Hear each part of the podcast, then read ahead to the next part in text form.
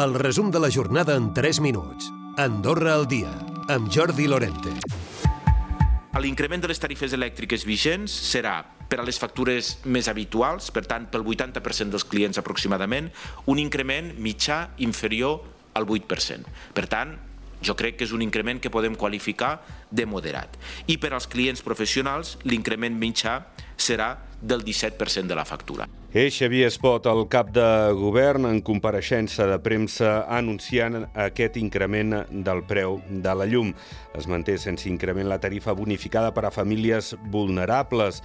De fet, en una factura corrent d'una casa, l'increment suposa uns 3 euros més cada mes. Una decisió, ha dit Espot, que es pren després de constatar que, tot i les mesures d'estalvi energètic d'obligat compliment a l'administració pública i les recomanacions, el consum el passat mes de setembre no es va reduir i no només no va baixar, sinó que es va incrementar en un 2% i que aquest context internacional i la dependència energètica que té Andorra de l'exterior obligaven a aquest increment. Es pot, per cert, també ha reconegut que és molt probable que hi hagi talls de llum, tot i que s'intentarà que siguin els menys possibles. Anunciava també diverses mesures d'estalvi tant a l'administració com en l'empresa privada.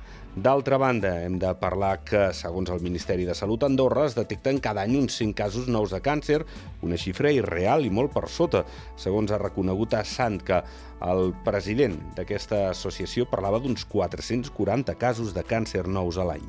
Quan parlem de números, amb el senyor Benazet parlaven que hi havia 100 casos l'any. No és veritat.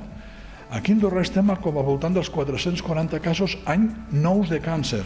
Després de llargues negociacions i d'un cert ralentiment per la pandèmia, s'ha tancat el primer conveni col·lectiu del SAS, un pas que direcció i comitè d'empresa tillen d'històric. Entre els 39 acords aconseguits, destaca que uns 700 treballadors veuran augmentat el seu sou un 5%. I aquest dimarts ha celebrat el Dia del Patró el cos de banders, Sant Francesc d'Assis.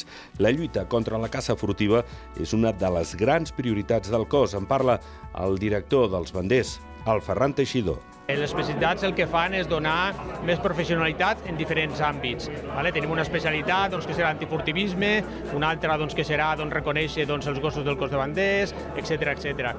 I al mateix temps el que tenim com a objectiu doncs, és eh, cobrir aquestes vacants que hem parlat d'aquestes jubilacions que hem tingut.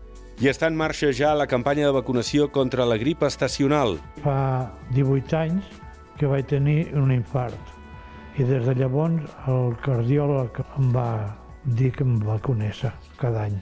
Per no constipar-me, per no agafar la grip i perquè sóc persona de risc.